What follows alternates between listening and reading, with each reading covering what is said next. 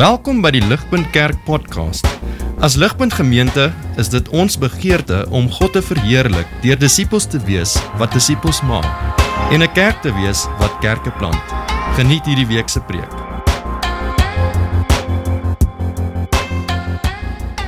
So julle ja, so ons is nou besig met ons uh, preekreeks genaamd Volg my waar ons gaan kyk gegee ons nuwe identiteit in Jesus Christus. Ehm um, hoe gaan ons hoe roep Jesus ons om hom te volg? Om hom te volg. So laasweek het Stef ons gewys aan die hand van die karakter Matteus ehm um, wat dit beteken om as volgeling van Jesus te wandel as ons vrygekoop is. Vrygekoop is deur Christus. En ons het eersins gesien dat Christus ons vrymaak van sonde se straf. Tweedens het ons gesien dat ons 'n nuwe identiteit het in Jesus, dat hy ons vrygekoop het deur sy bloed. Ons hoort nou nie meer aan onsself nie. Ons hoort nou aan die Here Jesus Christus. En vanaand julle gaan ons kyk na die tema van hoe is Jesus ons ouer broer?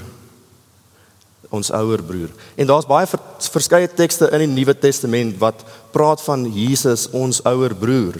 En wat beteken dit? En vanaand gaan ons kyk uit Hebreërs 2 vers 10 tot 18 wat dit is. Dat Jesus ons broer is is nie iets abstrakt nie. Wat ek net vir ons nou wil sê, dis nie iets hy is soos 'n broer nie. Hy is werklik die gelowige se broer in 'n werklike sin. Daar's nie iets ehm um, dis nie 'n metafoor dat hy ons broer is nie. Hy is werklik ons broer. So hierdie is waarna ons gaan kyk. Ek het dit vir ons hopelik hier opgesit. Ehm um, daar's daar's ons drie goeters wat ons eers na gaan kyk en dit is voor ons na daai praktiese deel gaan kyk. Hoe kan ek Jesus volg as broer? Moet ons eers antwoord, hoe het Jesus Christus my broer geword? Hy is ons broer, maar hoe het dit geword?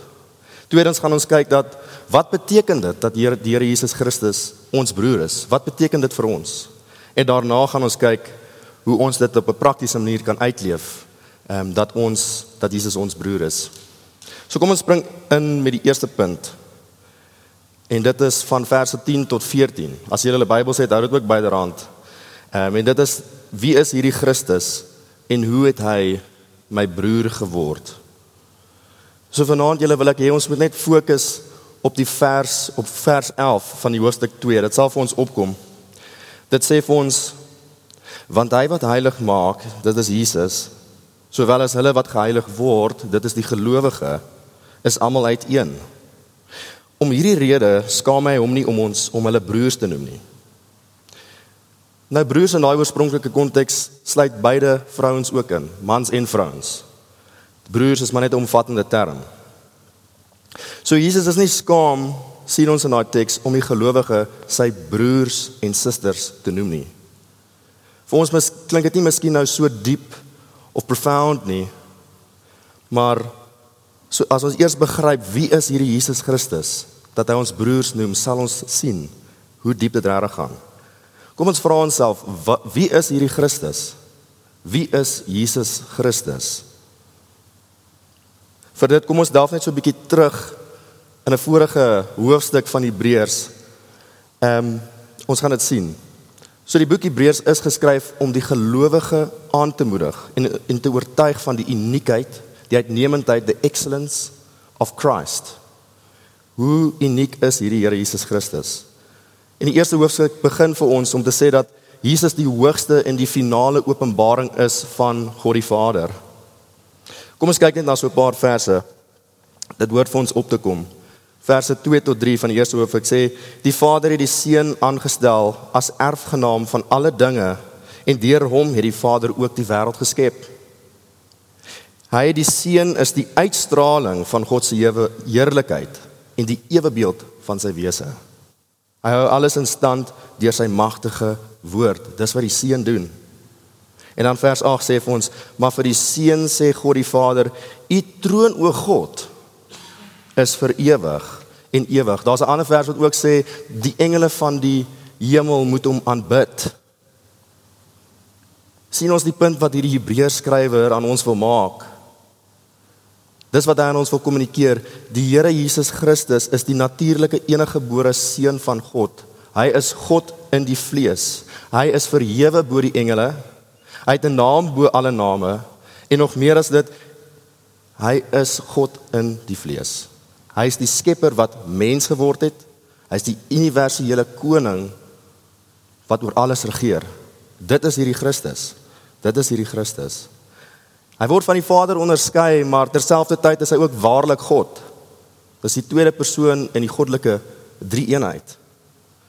En dis hierin julle wat ons moet besef waar die genade en wonderbaarlikheid dan inkom dat Jesus Christus hom ons broers noem. Begryp ons dit? Hoe hoe is dit moontlik dat hierdie Jesus ons broers kan noem? Gegeewe wie hy is, uiteengesit in in die, in die eerste hoofstuk. Hy het 'n een eenheid met elke ware gelowige hier vanaand, 'n diepe eenheid. Maar hy is nog steeds die verhewe God. Dis wie hy is. Hy noem ons broers en susters dat hierdie Here van die glorie, die skepper van die hemel en die aarde, die ware God, wanneer hy na ons kyk, wanneer hy na my en julle kyk, sê hy my broer, dan sê hy my suster.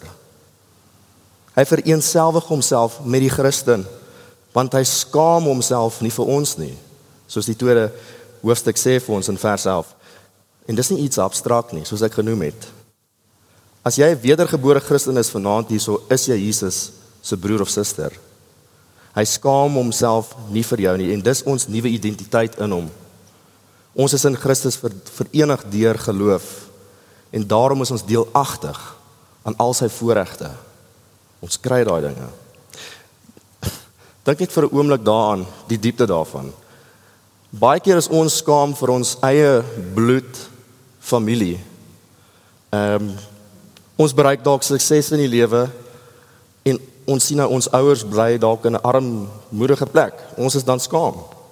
Ons is dalk skaam vir ons eie broers en susters en ons wil hulle nie miskien kerk toe nou nie want ja, net nou gaan die mense vir my sien soos is dit my eie broer? Is dit my eie sussie? So julle, wat gaan hulle van my dink as hulle dit as hulle as hulle my familie sien? Maar julle julle hier is Jesus die afdruksel van God wat sit aan die regterhand van die Vader en vir wie die engele neerbuig gaan aanbidding. Hy het 'n groter rede om vir ons skaam te wees as sondaars, maar hy kyk na ons en hy noem ons broers en susters.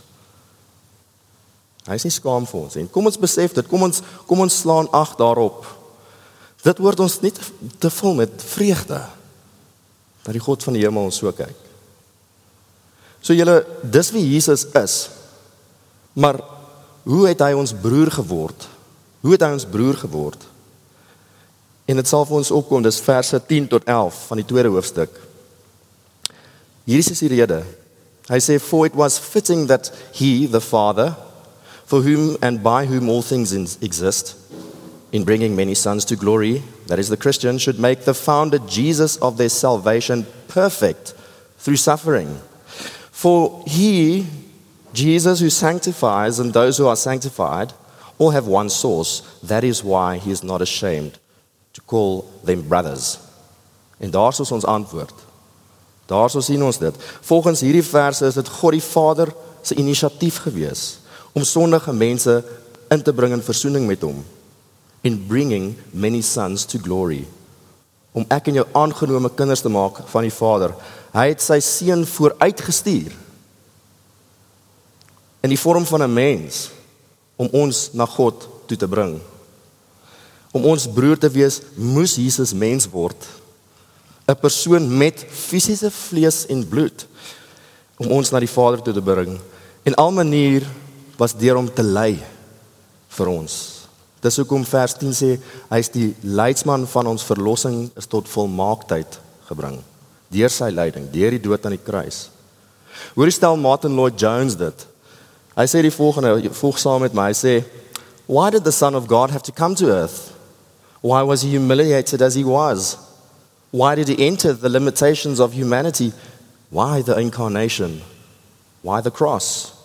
Because it was congress met with God's character to allow the suffering and the incarnation."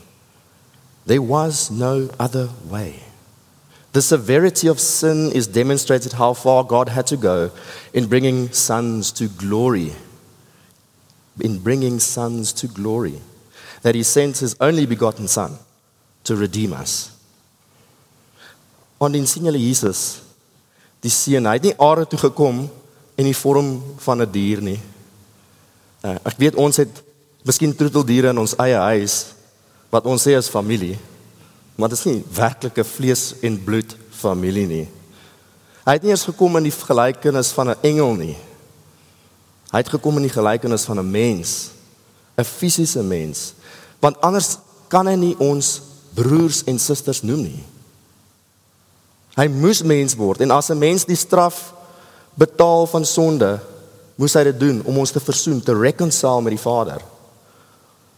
Wat dit dan vir ons beteken is dat God is ons Vader. Hy is die natuurlike seun van God. Jesus is ons ouer broer.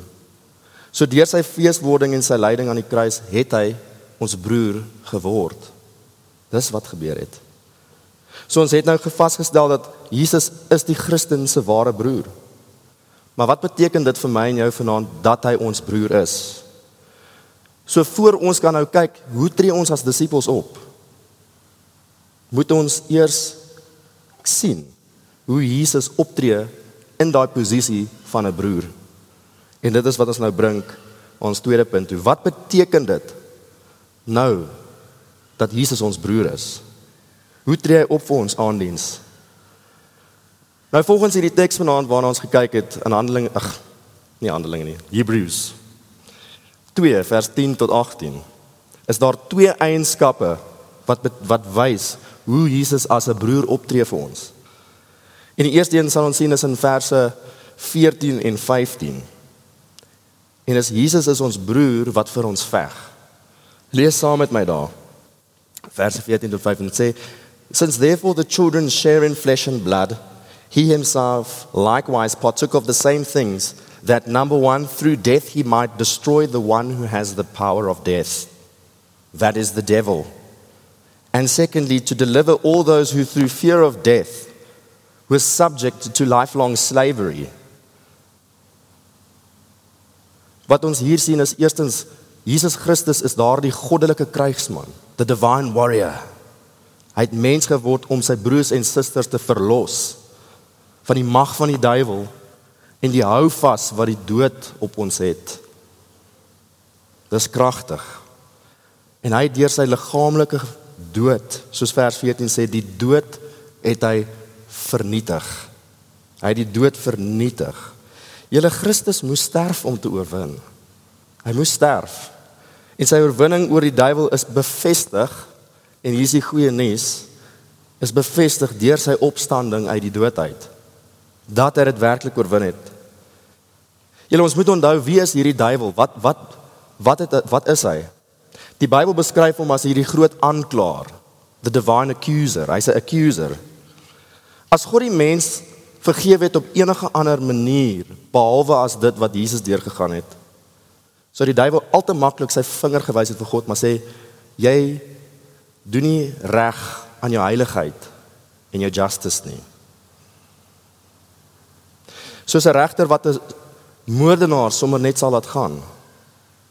As Jesus nie vir ons gesterf het nie, sou dit ook God se justice en sy geregtigheid sou dit nie geskied het nie. Jesus moes betaal vir daai. Iemand het dit so gesê, Christ crucified silences the accusations of the devil, for God's justice was vindicated and his holiness upheld. En so is die duiwel se mag verbreek en Jesus ons broer het daar gehang op die kruis en hy het dit reg gekry. Die aanklagtes van die duiwel het geen meer krag op ons nie. Geen meer krag op ons nie. En daarom as gevolg hoef ons nie meer die dood te vrees nie. Dit is maklik gesê. Ek het daai teks gelees en ek sê ja, maar ek is steeds bang. Ons is almal het nog hierdie innate vrees vir die dood. Maar in die finale analise as ons werklik hierdie glo wat Jesus sê of wat Jesus gedoen het, hoef ons nie meer die dood te vrees nie. Die woord roep ons om te glo in daardie hoop van Jesus Christus. Dat hy die dood oorwin het. Hy en Hy regeer. Hy regeer nou aan die regterhand van die Vader. Dit sê hy het die dood uit opgestaan as hy dit doen. Al sterf ons julle kan ons vashou aan daai hoop aan die opstanding dat Jesus ons lewe is.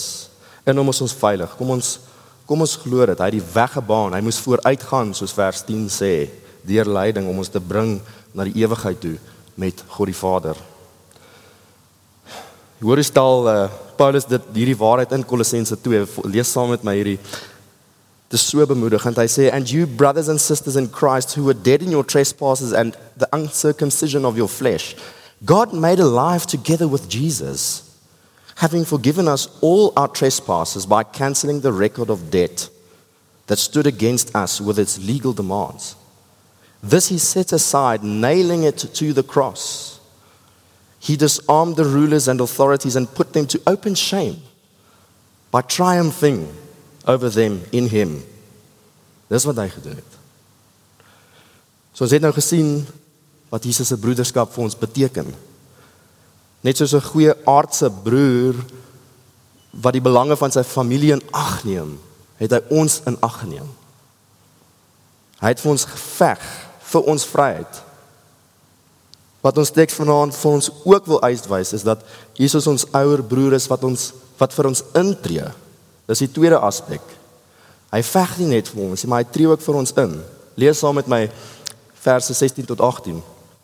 Hy sê want hy seker nie oor engele besorg nie inteendeel is hy oor Abraham se nageslag besorg daarom moes hy in elke opsig gelyk word aan sy broers sodat hy 'n barmhartige en getroue hoëpriester kon word om as offer te dien tot verzoening van die volk se sondes want omdat hy self gelei het toe hy versoek is is hy in staat om die wat versoek te word te help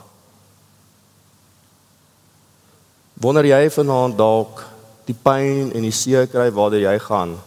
En ons almal doen dit tot op 'n mate.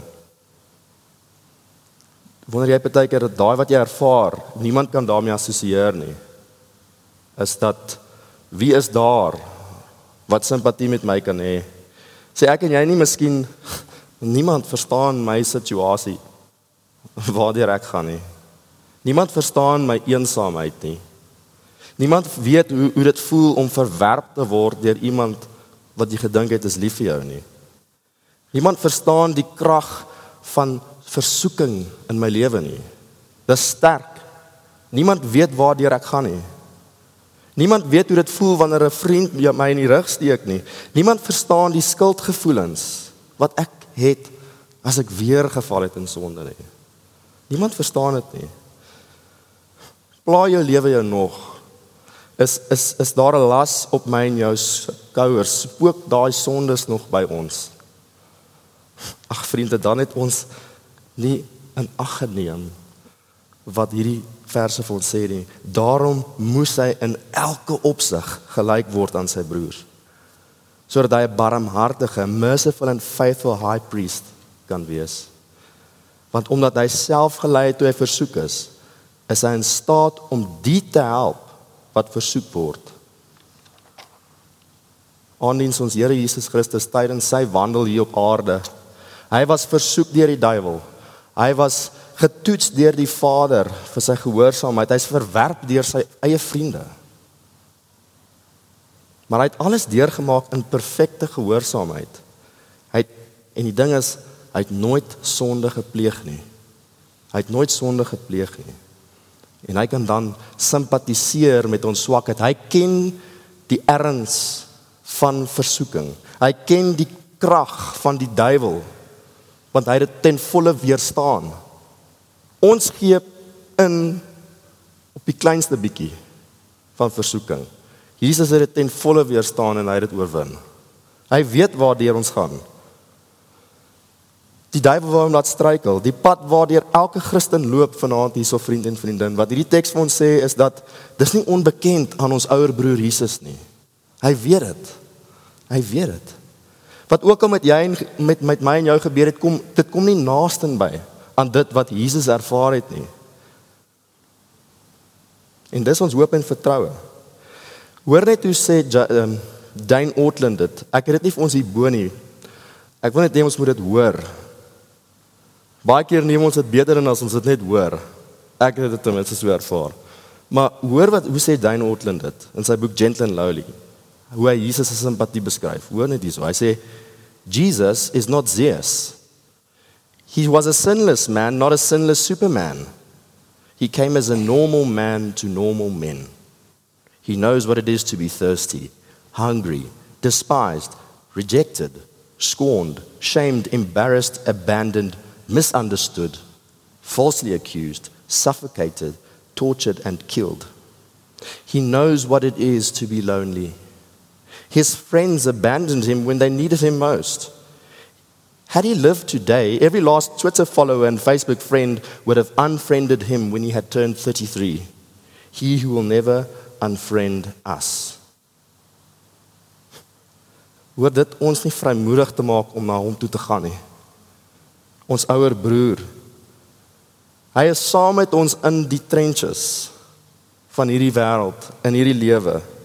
Hy ken hierdie sondige wêreld. Hy weet waartoe ons gaan. En selfs wanneer ons sondig en val, staan hy gereed om te vergewe want hy is ons hoëpriester. Hy's 'n broer wat 'n hoëpriester is wat sy eie bloed uitgestort het. Vriende, dis wat die teks vir ons sê is dit spoor ons aan om na hom toe te gaan. Ons ouer broer wat kan simpatiseer. So julle ons het nou vanaand gesien dat Jesus is God in die vlees wat nie skaam is om ons broers te noem nie want hy het ons versoen met die Vader en ons sy kinders gemaak. Ons het ook nou gesien hoe hy as broer vir ons optree. Hy's 'n broer wat vir ons veg aan die een kant, maar hy's ook 'n broer wat vir ons intree en simpatie kan hê. En dit is nou die Bybelse idee van 'n broer wat ons gesien het. So ons kom nou na ons laaste punt toe en dis die navolging van Christus. Jesus roep ons om sy disippels te wees. En dit is ons preekreeks se tema volg my. Hoe vat ons dit wat ons gesien het van wie Jesus is en wie ek en jy is in Jesus? Hoe hoe leef ons daai identiteit uit as sy jonger broers en susters? Jesus sê vir ons so in 'n manier wees wat ek was vir julle vir mekaar. Hoe kan ek en jy sy broer en suster wees? En hoe aandiens gaan ons hom volg daarin? Wat behels broederskap prakties so kom ons kyk dan nou wat dit beteken om 'n Jesus disipel te wees in daai opsig van wees 'n broer en 'n suster vir mekaar.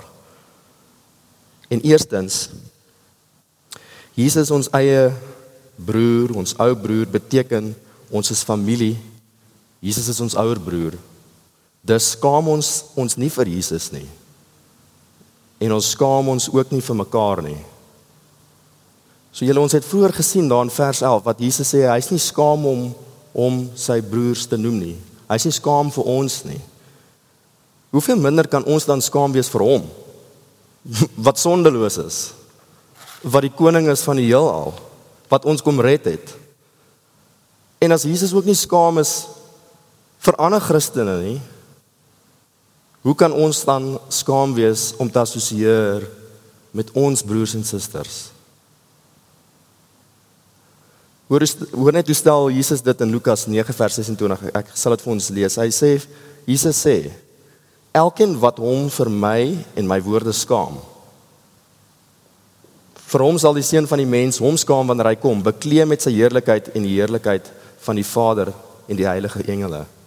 Elkeen wat hom skaam vir my en my woorde, vir hom sal ek skaam wees. Julle mag dit mag dit ook vir ons dan 'n waarskuwing ook wees. Die realiteit is En en ek staan net so skuldig hierso ook vanaand hieraan is dat baie keer is dit makliker om um, om oor ons eie aardse familie te praat met 'n vreemdeling. Hierdie is my broer, dis my suster. Al is hulle ook sondaars, maar sodra ons 'n geleentheid kry om te praat van ons hemelse familie. Oef.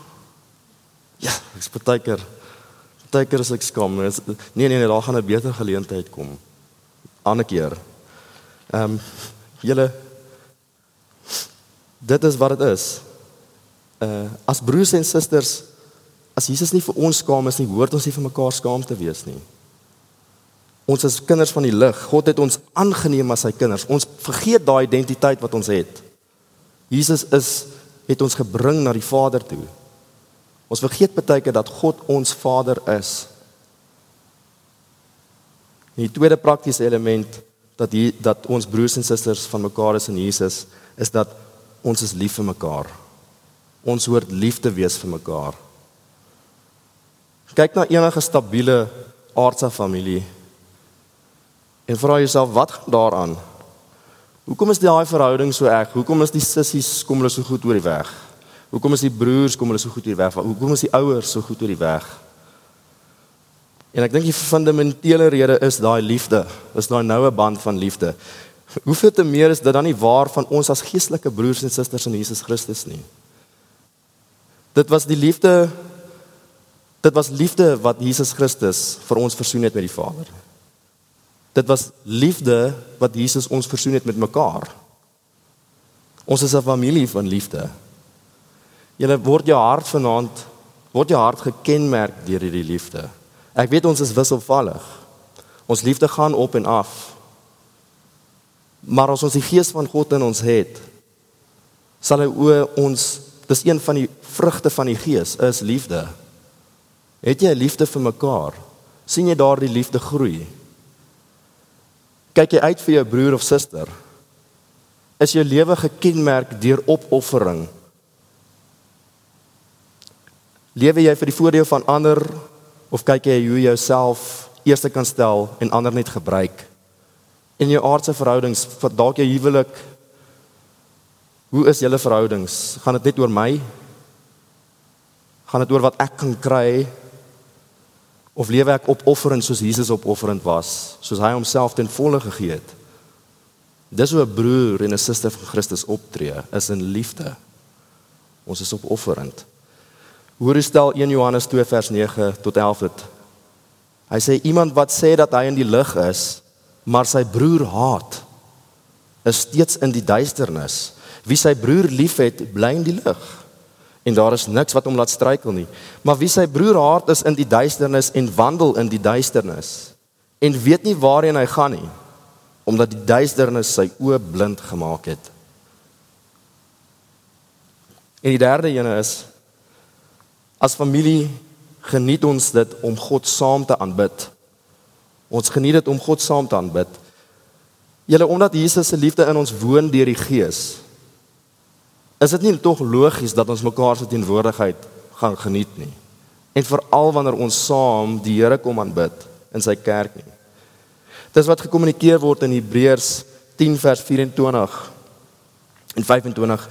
Hoor net dat dit sê daar and let us consider how to stir up one another to love and good works not neglecting to meet together as is the habit of some but encouraging one another and all the more as you see the day drawing near. Ag ek en jy mekaar as broers en susters. Dis goed en wel, maar hoe sien ons dan die gereelde samekoms van gelowiges in God se familie? Ons is sy kinders saam in aanbidding. Hoe sien ek en jy kerk? Is is dit net so 'n vreugde as 'n as 'n aardse 'n familie reunion? sien ons uit om hier te wees? Is dit vir ons 'n vreugde? om mekaar te sien. Ehm um, Ja, dis dis baie keer moeilik om sin te maak van iemand wat sê hulle is regtig 'n Christen, maar hulle wil nie in die kerk wees nie want hulle hou nie van die mense nie. Ons het dit al gesien. Ek was so op 'n stadium gewees.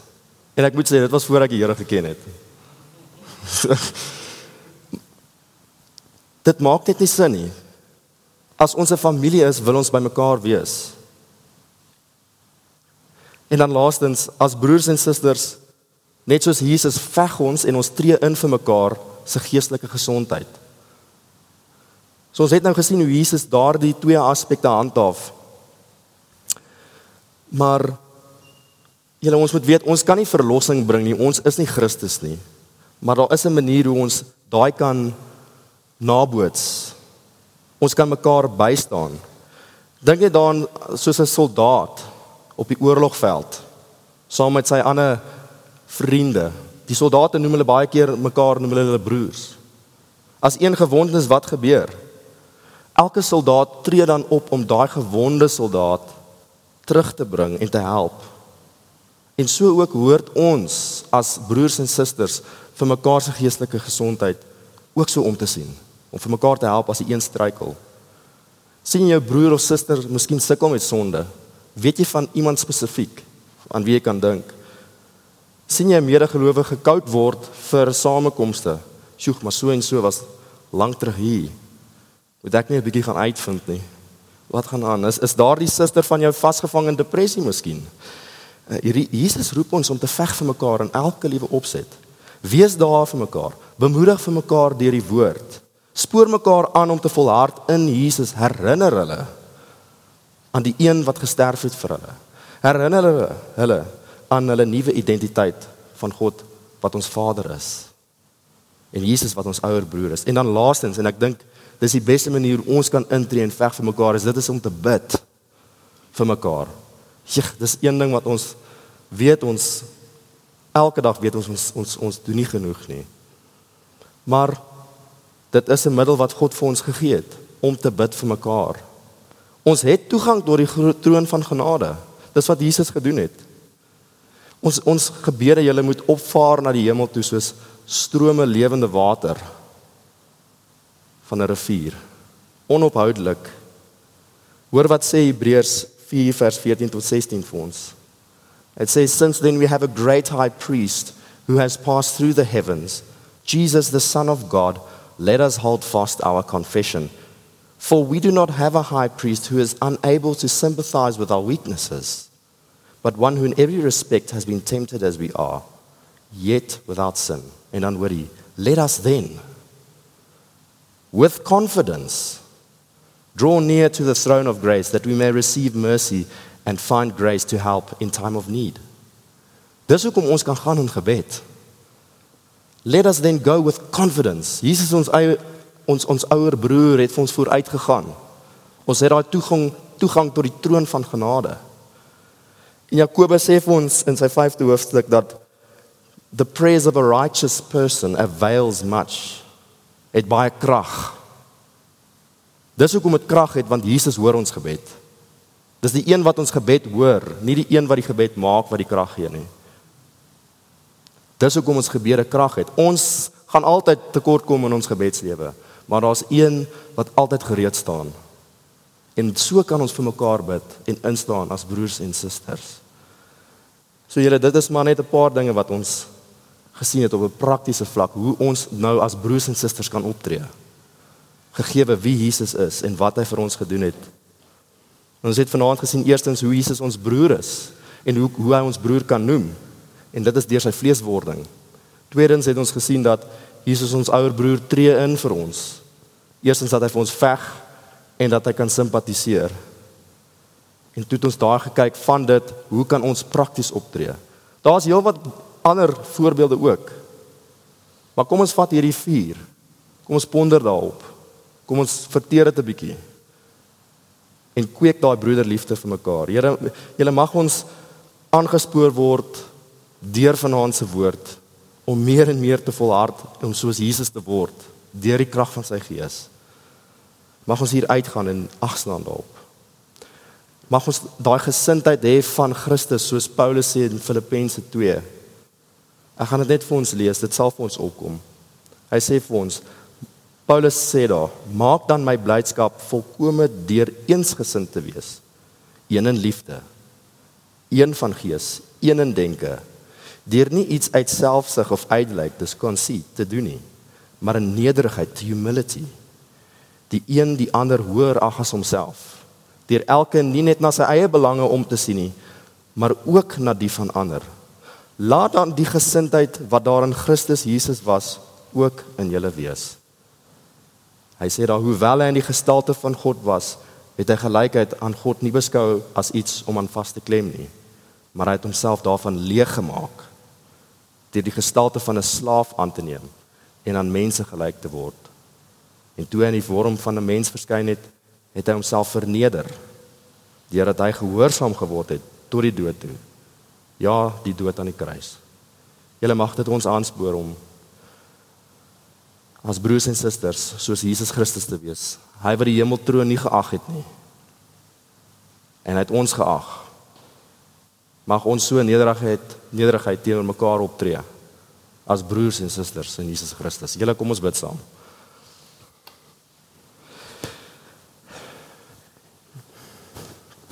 Ons dankie Here Jesus Christus dat U vir ons die weg gebaan het na die Vader toe.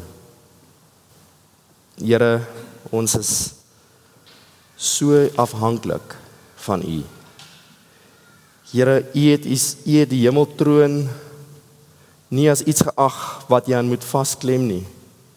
U het gelykheid aan God die Vader nie as iets geag wat U nie sal voorprys gee nie, Here, maar U het gekom vir mense soos ons. Here, U het gekom in 'n wêreld wat U gehaat het en nou nog doen. As dit nie vir die Gees van God is wat ons lewendig maak nie, U Heilige Gees. Here, ons dankie dat U bloed wat so kosbaar was vir ons uitgestort is om vir ons te bring na die Vader toe as kinders. Soos 'n ouer broer sy klein boeties en sissies bring terug huis toe wat verlore is. Here ons vra om vergifnis dat ons baie keer nie die diepte en die rykheid sien van dit wat u gedoen het en wie u is nie. Here ons dankie dat ons identiteit nie afhang van wat ons doen en hoe ons optree nie, Here, maar dat ons identiteit is in Jesus Christus wat 'n verbond gesluit het met die Vader met sy bloed. En Here, ons is nou kinders van God en 'n kind se identiteit kan nie verander nie. Ons dank die Here Jesus Christus dat U ons ouer broer is. Mag ons aangespoor word om meer en meer soos U te word en meer in liefde gekook te word, gekweek te word vir mekaar. Ons bid dit in die heilige en goeie naam. Amen. Vir meer inligting oor Ligpunt Kerk, besoek gerus ons webwerf op www.ligpunt.com of kontak ons gerus by info@ligpunt.com